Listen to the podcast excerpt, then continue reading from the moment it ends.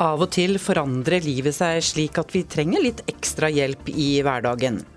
Enten etter sykdom eller ulykke, eller rett og slett fordi vi blir eldre. Det vi pleide å klare uten problemer før, kan nå være mye vanskeligere. Men det finnes hjelp å få, og mange kommuner har ansatt en ergoterapeut som kan legge til rette slik at hverdagen blir enklere. Velkommen til programmet Vår hverdag. Jeg heter Sølvi Olim, og gjesten i studio i dag er ergoterapeut Ingjerd Andersson.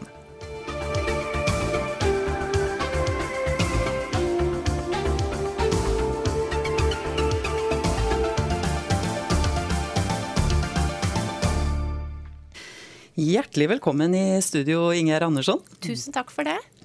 Du jobber som ergoterapeut i Enebakk kommune. Eh, er kommunen pliktig å ha en ergoterapeut? Ja, fra 2020 eh, så ble alle kommuner pålagt å ha eh, tjenesten ergoterapi. Noen kommuner velger å kjøpe ergoterapitjenesten av andre kommuner, men alle skal kunne tilby den tjenesten nå. Mm. Hvor mange ergoterapeuter er dere i Enebakk? I Enebakk så er vi to ergoterapeuter. Eh, Ergoterapiforbundet sier litt sånn røftlig at eh, man tenker ca. én ergoterapeut per 5000 innbyggere. Ja, Hvor mange innbyggere er det i Enebakk? Ja, I Enebakk er vi 11 000, så vi ligger bitte litt under.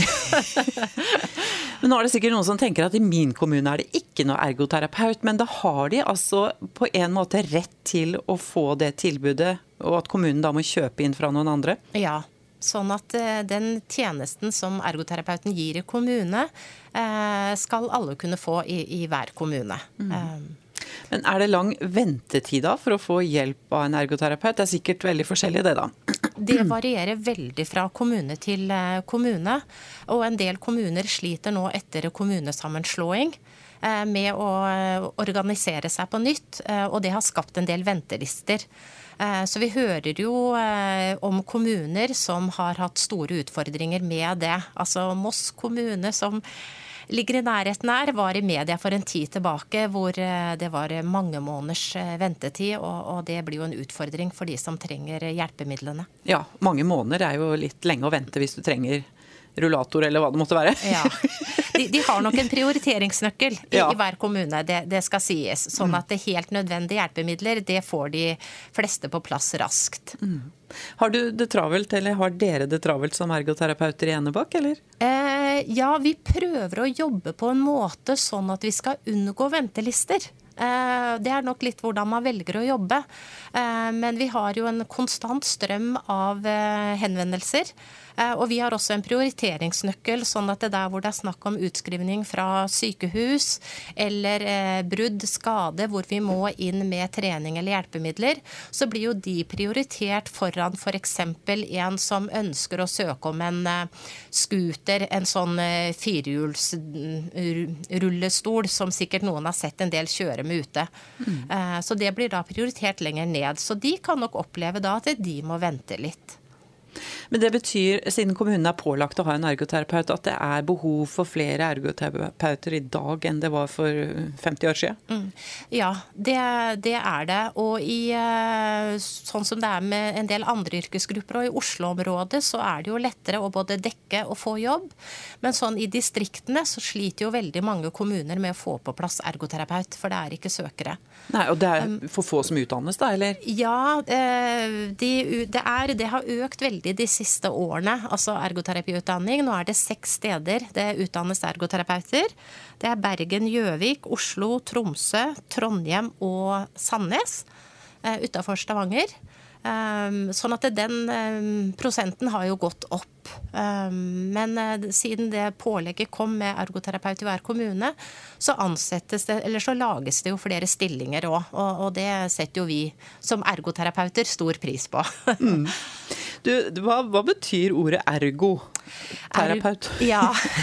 Ergo kommer fra gresk og betyr arbeid. Eh, og før ja.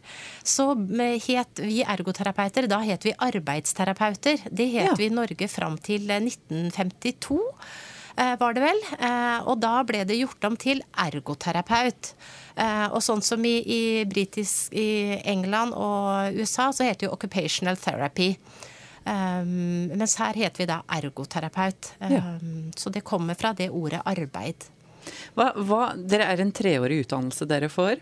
Uh, hva er det man lærer på en sånn treårig utdannelse, sånn kort fortalt? da? Ja, uh, Det er jo en treårig, altså man får en bachelor uh, da i ergoterapi, og så blir man da autorisert ergoterapeut, og kan da jobbe som ergoterapeut etterpå.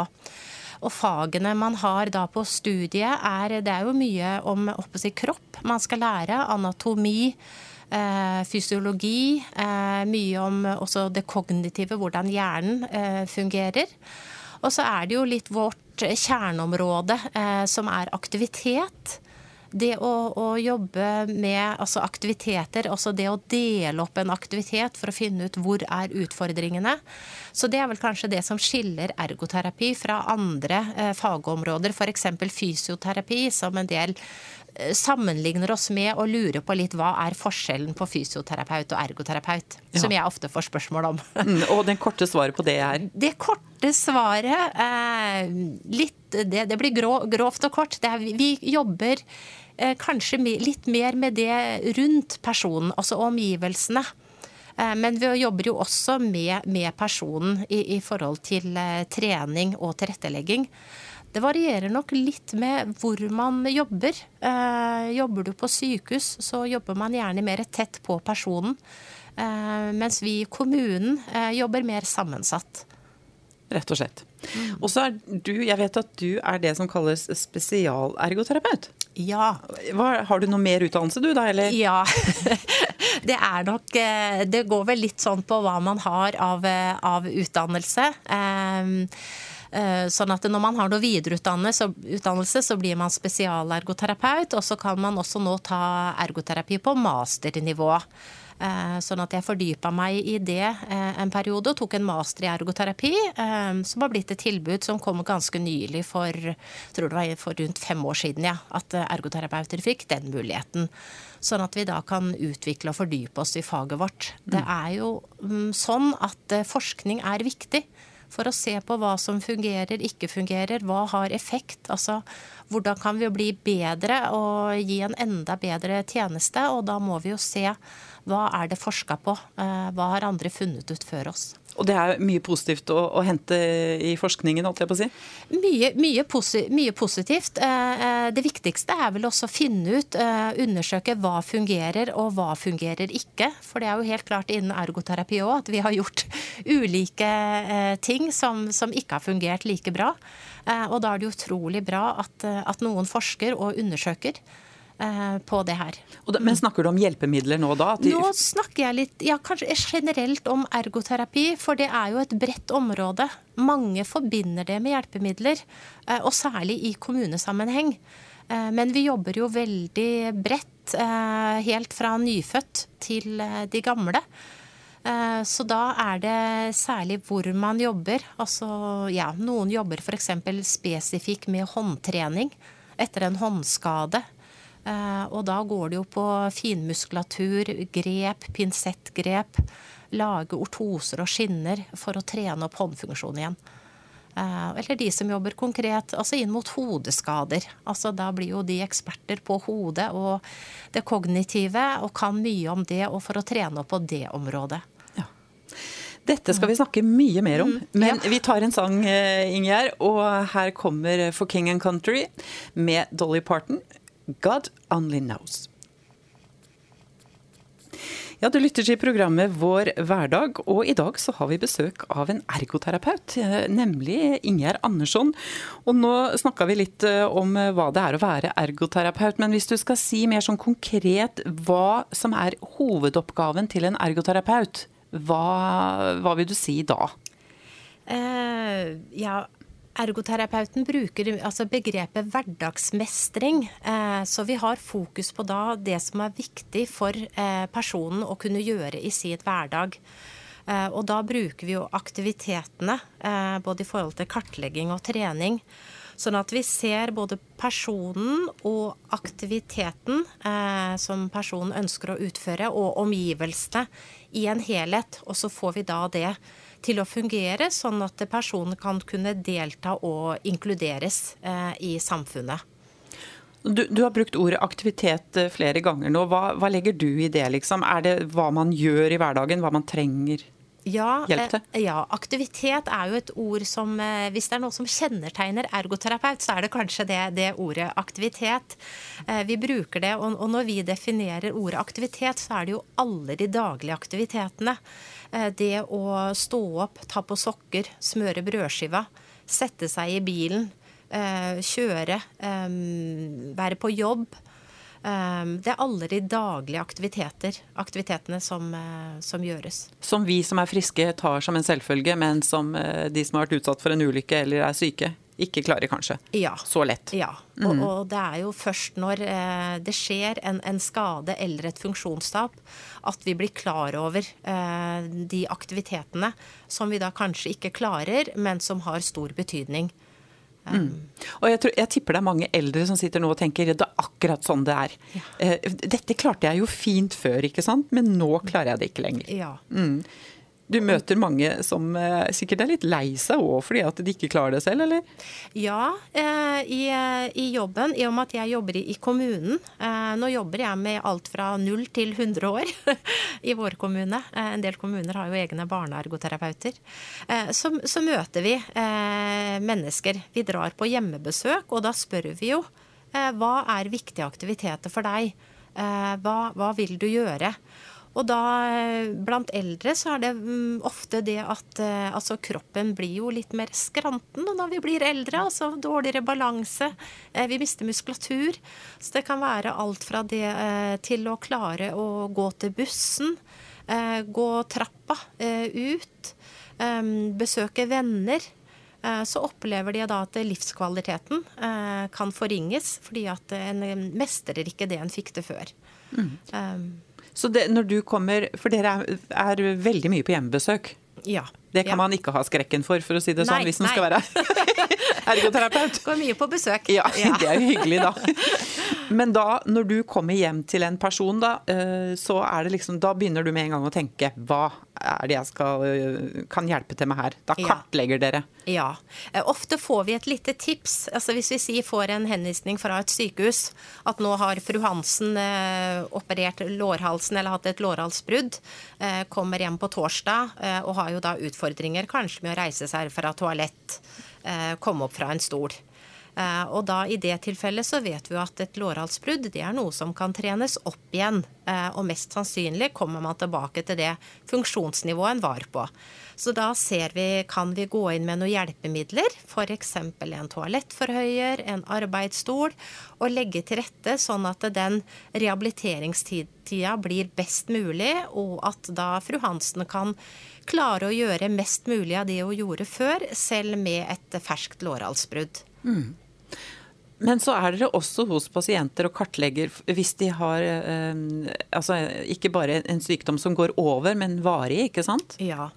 Eh, vi er jo, eh, nå snakker jeg jo mest sånn fra kommune, i og med at jeg kjenner det området best. Eh, og der har vi jo hele spekteret i og med at vi skal serve alle i, i kommunen. Og da er vi hos mennesker som f.eks. det kan være etter en trafikkulykke. Du har hatt en amputasjon. Du skal leve videre med f.eks. bli rullestolbruker. Hvis du da er en mor med tre små barn har hatt et aktivt liv, så kan den omveltningen være ganske stor og voldsom. Eh, og da er vi også inne eh, tett eh, og kartlegger og finner ut da sammen med familien og personen altså hvordan skal vi nå legge til rette livet videre. Hvordan skal det se ut? Og da er det alt fra hjelpemidler, tilrettelegging, det kan være store boligendringer. Altså det kan være at personen må bytte jobb, eh, kanskje den blir ufør.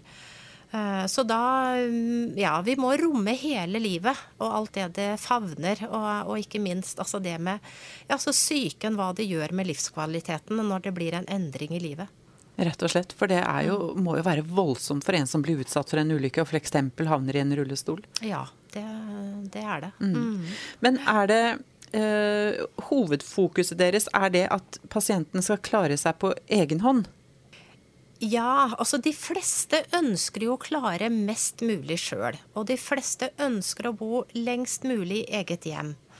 Eh, og så må vi balansere eh, ja, en, si en rullestolbruker som eh, syns det er veldig viktig å kunne dra på jobb. Eh, men ved at eh, den personen da skal klare morgenstell selv, så har den ikke krefter igjen til å være på jobb. Og da kan den personen velge å få hjelp fra hjemmesykepleien til morgenstell og det å bli klar. Og så drar den på jobb og er på jobb fordi det er så viktig for den personen. Sånn at de, eh, Det er viktig at de kartlegger og setter ord på hva de eh, vil gjøre sjøl, og hva de vil trenge hjelp til. Mm. For der mm, ja, kan folk tenke litt ulikt.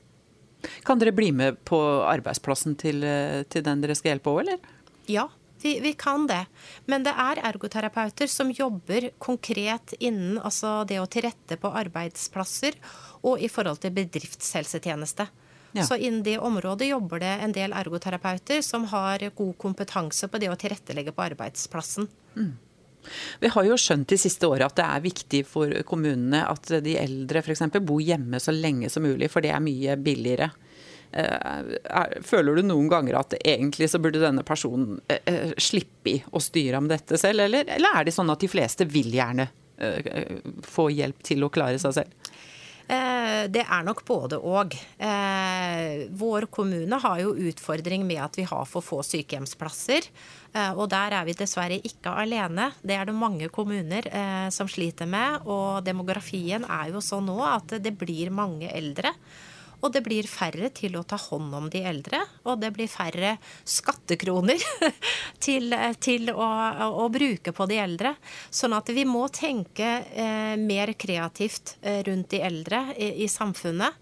Um, men vi prøver jo eh, at de skal kunne få, om ikke det er sykehjemsplass, så er det jo gjerne en sånn gradvis opptrapping. At man begynner i, eh, med økt tjeneste i hjemmet. Eh, det er dagtilbud og det er avlastningstilbud. Eh, noen flytter i omsorgsbolig. Eh, og så er det jo da når funksjonsnivået er så dårlig at de trenger tilsyn og hjelp døgnet rundt, så er det jo sykehjemsplass. Mm. Men det er denne omsorgstrappa som nevnes blant både politikere, og at man skal gå trinna da, fra minst hjelp til, altså til de som har store hjelpebehov. Mm. Og dere er på det første trinnet på en måte, da, eller? Ja, vi er vel eh, på det første trinnet. Vi er nok en sånn faggruppe som hopper litt mellom, mellom trinna, for vi er inne på sykehjem også. Eh, og tilrettelegger f.eks. For i forhold til vi kaller det ganghjelpemidler. da, Rullestoler, rullator. Eh, men der er det ja, mange som trenger f.eks. en god komfortrullestol også noe å kunne sitte godt i når de er oppe. Um, men vi jobber uh, mye på, uh, i bunnen av trappa. Ikke sant. Mm. Har, du, har, du, kommet hjem til uh, en eller annen person og så, og, og så sagt at du kan få det og det hjelpemidler, og de blir overraska over hvor mye det er å, å, få holdt jeg på å si, av hjelpemidler? Ja, det er det. Altså, jeg sier jeg har en veldig takknemlig og hyggelig jobb. Ja, du har det? ja.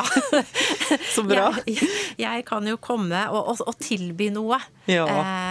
Og de fleste er jo veldig takknemlige eh, for de hjelpemidlene og ikke minst altså den ordninga vi har i Norge med både tilskudd og, og, og eh, man kan få noen økonomiske tilskudd for å tilrettelegge hjemme, og hjelpemidler. Vi skal ikke lenger enn til Sverige for at det er andre ordninger.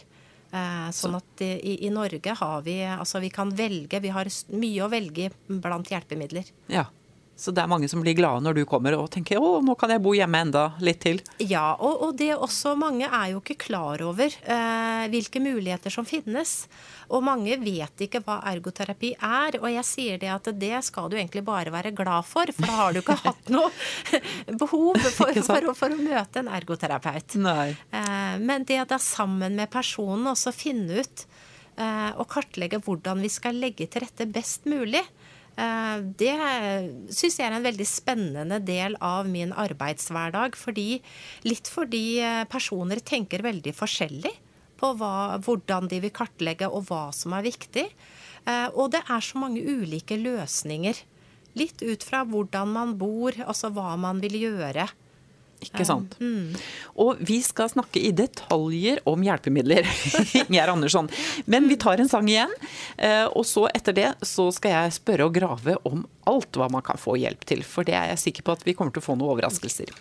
Men her kommer Elisabeth Andreasson, og hun synger sangen 'Duett'. Ja, det er fortsatt eh, programmet Vår hverdag du lytter til. Jeg heter Sølvi Olim, og vi har en ergoterapeut i studio, Ingjerd Andersson, som jobber til vanlig i Enebakk kommune. Og før sangen, Ingjerd, så snakka vi om at dere er mye på hjemmebesøk og kartlegger aktivitetene som jeg nå har lært at det heter. Eh, det betyr altså at dere ser hva det er behov for. Og så kommer det jo til den delen når dere da skal eh, komme tilbake med det de har behov for. Og da tenker jeg først sånn rullator og sånne ting. Doforhøyer har du snakka om. Men altså, si litt mer om hva, hva er det folk kan få av hjelpemidler? Det er jo eh, et hav, eh, sier jeg. Eh, og veldig mange forbinder jo ergoterapeut med hjelpemidler. Eh, men vi formidler eh, så mye mer. Eh, og én ting er jo å tilrettelegge med hjelpemidler, men så er det noe med å få den helheten til å fungere. At omgivelsene, altså bolig, der du ferdes, det må jo være i samsvar med, med ditt funksjonsnivå. Eh, sånn at hvis det er f.eks. en person som ja, har mista synet, eh, så fins det mange ulike da, synshjelpemidler for å tilrettelegge for å få den hverdagen eh, til å fungere. Du har hjelpemidler da som du kan holde over et ark, f.eks. Så leser jo hjelpemiddelet da opp den teksten for deg som står på det arket, som ett eksempel. Ja, Vi la ut et bilde på Facebook eh, nå rett før programmet, og mm. der uh, står du ved siden av en dame som uh, ser ut som hun har en iPad foran seg, men det er ikke en iPad. Nei, det, det, er ikke en iPad. Det er da et uh, hjelpemiddel, som jeg nå nevnte nå, for å kunne klare da uh, å høre teksten. Altså hvis du får et brev i posten, uh, så Nei, unnskyld, nå sier jeg feil. Det, den, det er en digital lupe som ja. var på, på Facebook. Ja. Og det, den forstørrer godt opp. det er jo de da som er svaksynte. Eh, sånn at da må du ha noe syn. Også da kan du bruke den f.eks. lese brev, lese en avis. Så får du forstørra opp teksten. Ja. Er det andre ting en som er veldig svaksynt kan få hjelp med? Ja, det fins ulike eh, hjelpemidler der. Nå er det Min kollega har mer kunnskap om det, må jeg si ja. først. Vi deler litt fagområdene oss imellom, for det er så mye. Ja, ikke sant? Eh, men det fins mange ulike hjelpemidler både for de med synstap og hørselstap. Mm. Eh, sånn at for de med synstap så går det jo mye på da hjelpemidler som snakker høyt for deg. Også høyttalende klokker kjøkkenvekt. Ehm, og det å markere i en leilighet, uh, f.eks. da det kan være med altså konkret bruke noe eh, teip, gummi, altså for å vite da hvilke plater man skal skru på. Um, men så er det også Én ting er hjelpemidler, uh, men det er like viktig det å trene på gode rutiner. Det å få hverdagen til å fungere. Eh, sånn at da jobber vi mye med å, å jobbe inn disse gode rutinene, sånn at eh, skal, eh, hverdagen skal bli god. Og det å bli kjent i omgivelsene. Det å mm, klare å gå til søppeldunken, klare å gå til bussen. Mm. Har, altså, hvis du skal klare å gå til bussen, da, er, da tenker jeg rullator. Men er det andre ting? Eh, ja, hvis du er eh, blind, som vi var inne på nå, så har jo gjerne en del en sånn type blindestokk, en hvit, som jeg vil tro en del kjenner til. Også noen har jo førerhund. Eh, noen blir, er så gode og trygge at de går uten noen hjelpemidler. Men mange, altså eldre, og hvis du har noen type balanseproblemer, så velger jo mange å ha en rullator å gå med. Mm. Og det med, med, at man har dårlig til bens altså, Du nevnte tidligere i programmet det at man kan få sånn liten scooter, eller hva man skal kalle det. Ja. No, noen Ja. Eh, eh, jeg må jo si det at alle hjelpemidler må jo søkes på gjennom folketrygden, eh, og det er behovsprøvd. Ja. Eh, sånn at det her blir ergoterapeut eh, Kan ikke bare skaffe deg en billig bil, liksom? Nei, da, da må du skaffe privat. ja. Eh, og det er det jo også mange som gjør. Ja.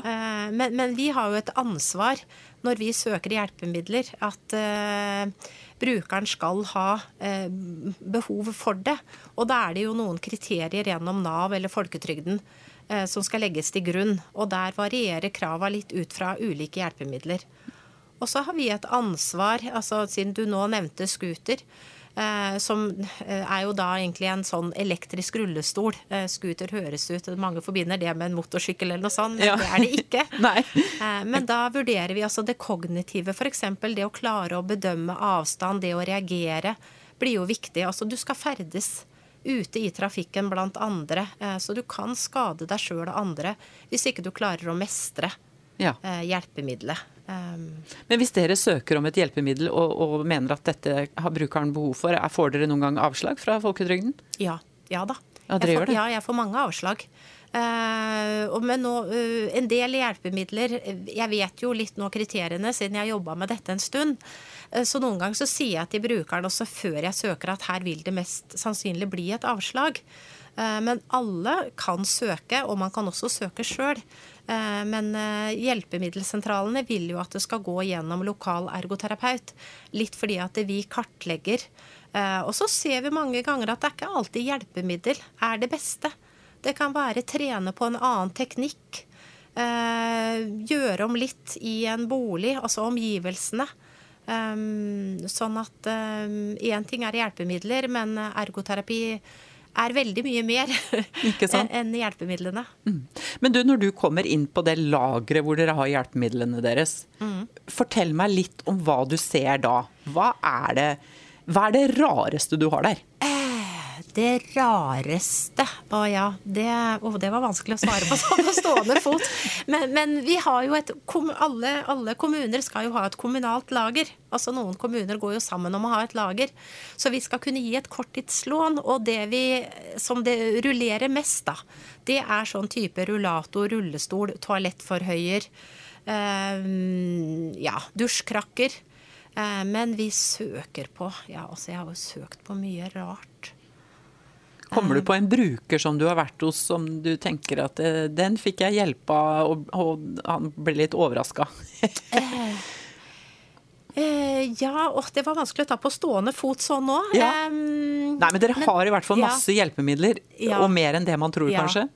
Ja, det, og det, og det fins eh, veldig mange hjelpemidler. Så det, der bruker jo vi, altså i samarbeid med de vi er hos, mange er jo veldig gode til å google og lete sjøl. Ja. eh, og de finner jo masse, og, og, da skal vi veilede litt. Én ting er hva man kan få gjennom folketrygden.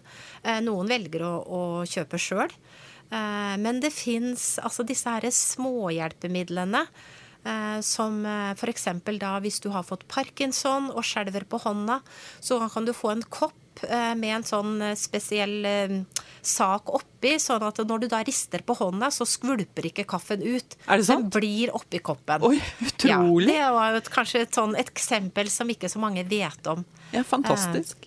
Så disse småhjelpemidlene Nå ble regelverket sånn i det var vel 2012 at man må kjøpe de sjøl, men man kan søke om en liten stønad da, fra mm. Nav til å kunne kjøpe inn disse småhjelpemidlene. Ja, er det andre ting på, på, kjøkkenet for å si det sånn, som man kan få hjelp til? Eh, og ja, det er jo masse på kjøkkenet. Eh, og det er jo masse småhjelpemidler. Eh, alt fra type kniver og gafler med ulike grep. Eh, ja. Altså ting å også sette fast på. Også det Uh, type skru opp, åpne. Ja, for det er bare å åpne en hermetikkboks som uh, Det kan jo være sånn åpner, vet du, men det er ikke like lett å få opp bestandig. Nei. Eller melkekartongen, for den saks skyld. Ja, og, og der går jo ergoterapeutene inn og kan veilede litt. Sånn som den eh, melkekartongen nå med den skrukorken. Den har mange utfordringer med å få opp, og klarer ikke å åpne den. Nei, det skjønner jeg. Eh, så det har blitt en utfordring for mange. Og da er det ergoterapeuter som kan ta kontakt med bedrifter i forhold til design. Altså hvordan tilrettelegge og lage gode produkter som eh, de fleste, altså flest mulig folk, klarer å håndtere. Um, hører, dere, hører dem på dere da? Eh, bedrifter og sånn? Er de positive, liksom? Eh, ja, jeg har inntrykk av det. Altså, jeg personlig har jo ikke eh, vært inne på det, men jeg vet jo ergoterapeuter jobber inn mot bedrifter. Mm. For det er noe med Jeg tror mange ikke altså, lager produkter i altså, beste mening, men så glemmer man litt. Altså eh, brukergrupper. Altså det skal favne flest mulig, sånn at det flest mulig kan bli inkludert og delta eh, i samfunnet. Ja, jeg kommer jo på én ting da, som jeg har tenkt på mange ganger, og det er den. Makrell i tomat. altså, jeg, når du skal åpne den, så må du nesten kle på deg regnfrakk for ikke å få ketsjup overalt. Mm. Men da er dere inne og, og, og kan veilede Kanskje man kan kjøpe en annen makrell i tomat? Ja, eh, og, og, der finnes det jo også åpnere. Ja. Eh, eller så kan det være sånn eh, konkret, liksom eh, hvis du er glad i makrell i tomat, så kanskje det å få noen til å åpne boksen for deg, og få den makrell i tomaten over i en annen boks, ja. som du lettere kan åpne sjøl. Ikke sant. Ja. Men dere er også inne på det med, på bygningssida. Eh, og før vi begynner å snakke om det, har du kommet til noen som har trengt hjelp, hjelpemidler, og så ser du på huset eller leiligheten og så tenkt at eh, her trenger man egentlig å flytte? ja. Eh, det, er vel kanskje den eh, vanskelige oppgaven som ergoterapeut. At jeg må ta mange av de litt kjedelige samtalene eh, og ubehagelige samtalene noen ganger. Det å spørre om folk om de har vurdert å bytte bolig, eller hvordan bygge om bolig for å kunne bo lengst mulig i egen bolig. Eh, og da ønsker jo vi å kunne ta den samtalen altså tidlig når folk er friske, altså særlig i forhold til alderdom. At man tenker på det med boligen sin når man er en sånn si 50-60 år. Ja. Skal jeg fortsette å bo i denne boligen? Hvordan skal den se ut når jeg blir 80 og jeg kanskje går med en rullator? Eh, eller jeg har fått en dårlig hofte og ikke klarer trappa. Og da legge til rette tidlig, hvis det er mulig. Også hvordan få bad og soverom og kjøkken og stue på ett plan, sånn at man ikke må gå den trappa. Så den samtalen tar vi eh, med mange. Um, og det å da tenke på nei, kanskje jeg bør bytte bolig, for den boligen her fungerer ikke. For vi er jo inne hos personer også hvor det plutselig har skjedd en skade. Det kan være at man har fått slag eller har vært igjennom noe hvor da boligen ikke fungerer. Og så må man eh, flytte litt sånn i hurten og sturten. Så blir det en eh, vanskelig prosess. Eh, som man da kunne forberedt da, i forhold til alderdom. Det skjer jo selvfølgelig ting i livet akutt hvor hvor man må flytte eller bygge om der og da, selvfølgelig. Mm. Hva er det du ser på en bolig som du tenker at det er vanskelig å bo her for noen som er bevegelseshemma? Ja. Det vi eh, veldig ofte mm, streifer over, er jo altså hvor trinnfritt er det i denne boligen. Altså mest mulig trinnfri adkomst og i bolig. Ikke vi, trapp, altså? Ikke trapp, nei. Altså er det trinn inn i boligen, er det høye terskler, er eh, bad i andre etasje, stue og kjøkken i første. Eh, det er det vi ser på først, som er det som kanskje er mest utfordrende å gjøre om å tilrettelegge, og det dyreste, ikke minst. Eh, småting som å kunne ja, flytte på tepper, sette opp noe støttehåndtak, fjerne en terskel. Det er jo mulig å gjøre. Men særlig det adkomst. Hvordan kommer du inn i boligen din? Hvordan er det i boligen? Mm. Um, men du og jeg vi er omtrent like gamle, uh, i midten av 50-åra. Mm. Uh, og du sier altså at man bør begynne å tenke på det allerede nå? Ja, jeg tenker uh, For nå når man er frisk og, og, tenker litt sånn altså hvor, hvor vil, Hvordan vil jeg bo, og, og, kanskje hvor vil jeg bo? Også når jeg blir pensjonist. Det å tenke litt og legge litt til rette. Og så er det noe med å flytte på seg når vi blir eldre. Eh, du skal bytte miljø, du skal kanskje opparbeide en ny vennekrets. Eh, så det å kunne gjøre det når du eh, er frisk, har overskudd Det er noe sånn at når vi blir eldre, så er det en del som kvier seg litt det å gå ut. Så det å etablere et nettverk for alderdommen, mm. det er jo viktig for livskvaliteten. Det er jo det. De fleste av oss planlegger litt for lite. Ja Skal ikke ta alle over en kam, men, men, jeg tror nok vi kan bli flinkere til det. Og, og jeg tror vi må tenke den veien, fordi eh, altså samfunnet vi har eh, Det er færre sykehjemsplasser nå. Det er færre omsorgsboliger. Eh, vi må ta et større ansvar sjøl for alderdommen vår, eh, hvordan den skal se ut. Og jeg tenker da, da kan vi også ha mer styring og kontroll på, på, hvordan det skal se ut, når vi eh, vet litt um, ja, om hvordan vi vil bo. Men eh, de som bygger i nye leiligheter f.eks. i dag, da, som mange flytter inn i når de blir eldre, eh, har de altså for å si det sånn, har dere veileda dem på noen måte? Er det ergoterapeuter som er inne i selve byggeprosessen og sier dette er lurt å gjøre? Ja, altså nå er det jo krav til universell utforming i alle bygg, og vi har et uh, ganske strengt regelverk i Norge på at det skal være tilrettelagt for uh, flest mulig. Altså uh, sånn at mye blir ivaretatt. Men det kan være de derre små hindringene, en bitte liten terskel. F.eks. en lang gang med et stort vindu i enden som gjør at de med synstap bare får motlys.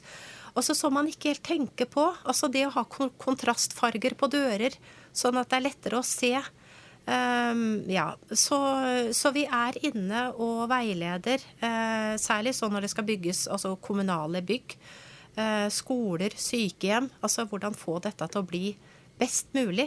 Og vi er nok uh, Jeg vil si vi er gode på å se de der små detaljene som um, som er viktig, og som er kanskje fort gjort å glemme. Også mm. hvor skal lysbryteren stå? Ja, Stikkontakta. Ja. For mange ting er jo veldig høyt opp, særlig når du blir eldre. Så kan du bli litt uh, kortere fordi at eh, skjelettet ikke er så godt ja, lenger. Høyt opp eller langt ned. Ja, ja ikke sant. Stikkontakter. Ja, men jeg er helt enig. Alt burde vært sånn midt på! Mye lettere. Ja.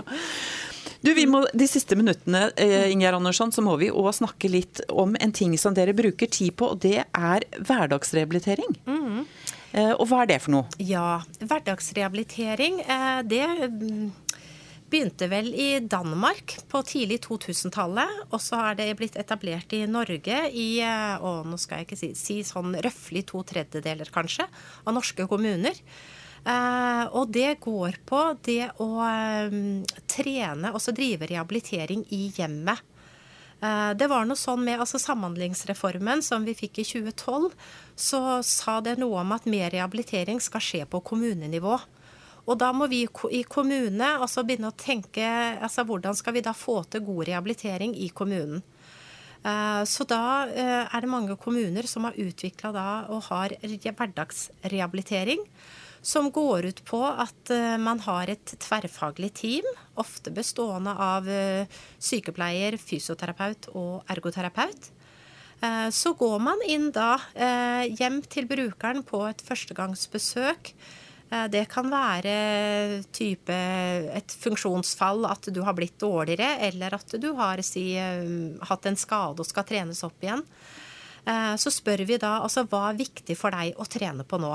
Altså hva er en viktig hverdagsaktivitet. For å få hverdagen til å funke? Ja. Mm. Og det kan være f.eks.? Det kan være f.eks. For, eh, for meg er det viktig å klare å gå til bussen igjen. Ja. Eh, det er veldig viktig å gå ned i kjelleren, for der har jeg et kontor som jeg gjerne vil bruke. Eh, og da når vi har kartlagt, og de har lagd et mål, si det er viktig da å gå i kjelleren. Ehm, så går vi inn med en intensiv periode, eh, hvor man da kan trene i en periode fra fire til seks uker. Så trener vi konkret på den aktiviteten. Eh, og si da f.eks. å gå i trapp, så er det også noe med å trene i den trappa du skal gå i. Ja? Sånn at du blir kjent med det rekkverket, de trinna. Og så kan man sammen med det lage et treningsprogram, så du også får trent opp muskler og balanse. Ja. Eh, så går vi inn da etter endt periode og tar en evaluering for å se litt altså hvordan har det gått. Og da er dere der hver, hver, uke? Hver uke, og gjerne sånn vi prøver i vår kommune å gå inn tre til fire ganger i uka. For eh, det er noe med at intensiv trening det har bedre effekt enn å smøre utover. Ikke sant. Så da er det en fire-fem-seks uker hvor man virkelig trener på å gå i den trappa, mm, eller mm. på å knyte de skolissene, ja, si. Er ja. det ned på det nivået, eller? Ja, eh, det er, altså, det er, altså, det er personen som skal eh, bestemme og sette mål. Ja. Det er en viktig del av det. Sånn at det er den som sier det er viktig å komme inn og ut av bil. Ja. Så, og da går vi igjen på det med aktivitet. Kan kan dele opp den aktiviteten fra å åpne døra, sette seg ned. Altså hvor er utfordringen for å finne ut altså hvordan skal vi trene for å få til den aktiviteten. Og lykkes dere med de treningene?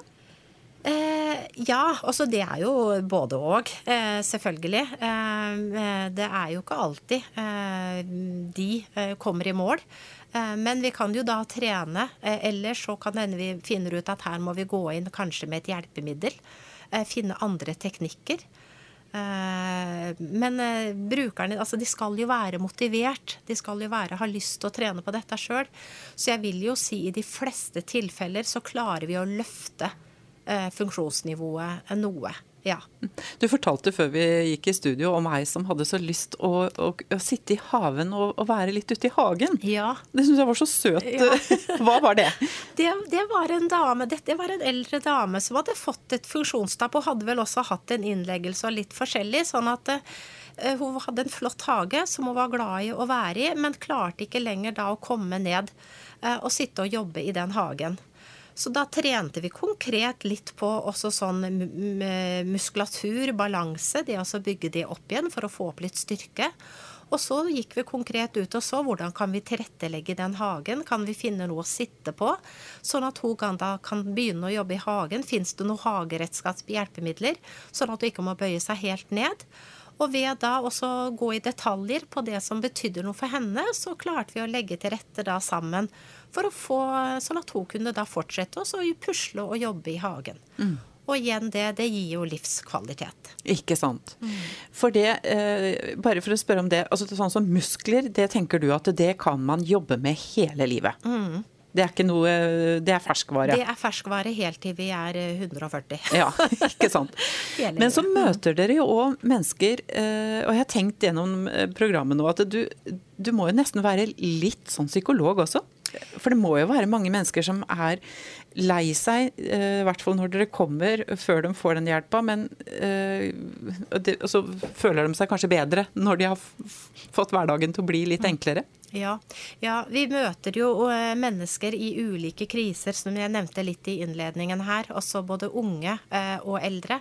Det å få livet endra eh, etter en skade eller et funksjonstap, som ofte er der vi kommer inn. Sånn at vi, ja, vi snakker mye om livet. Også det hvordan håndtere livet med en endring, eller det å håndtere og leve livet når du, ha, når du har en kronisk smerte. Eh, raumatisme er jo en av de sykdommene som øker, eh, og som mange har. Så det å stå i livet og håndtere livet når ikke livet blir helt sånn som du hadde sett for deg. Så vi, uh, samtale og det å prate er en viktig bit av, av, av det vi gjør uh, på hjemmebesøka. Og, og, vi kommer jo veldig tett på mennesker, altså inn på privatlivet. Altså jeg har jo vært under sengene til folk, er på bada til folk. Eh, er liksom i skuffer og skap sammen med folk, fordi at det er den hverdagen eh, vi skal få til å fungere sammen med dem. Eh, og da er det viktig at vi sammen snakker om utfordringene for å få hverdagen til å bli mest mulig. Altså den hverdagsmestringa. Mm.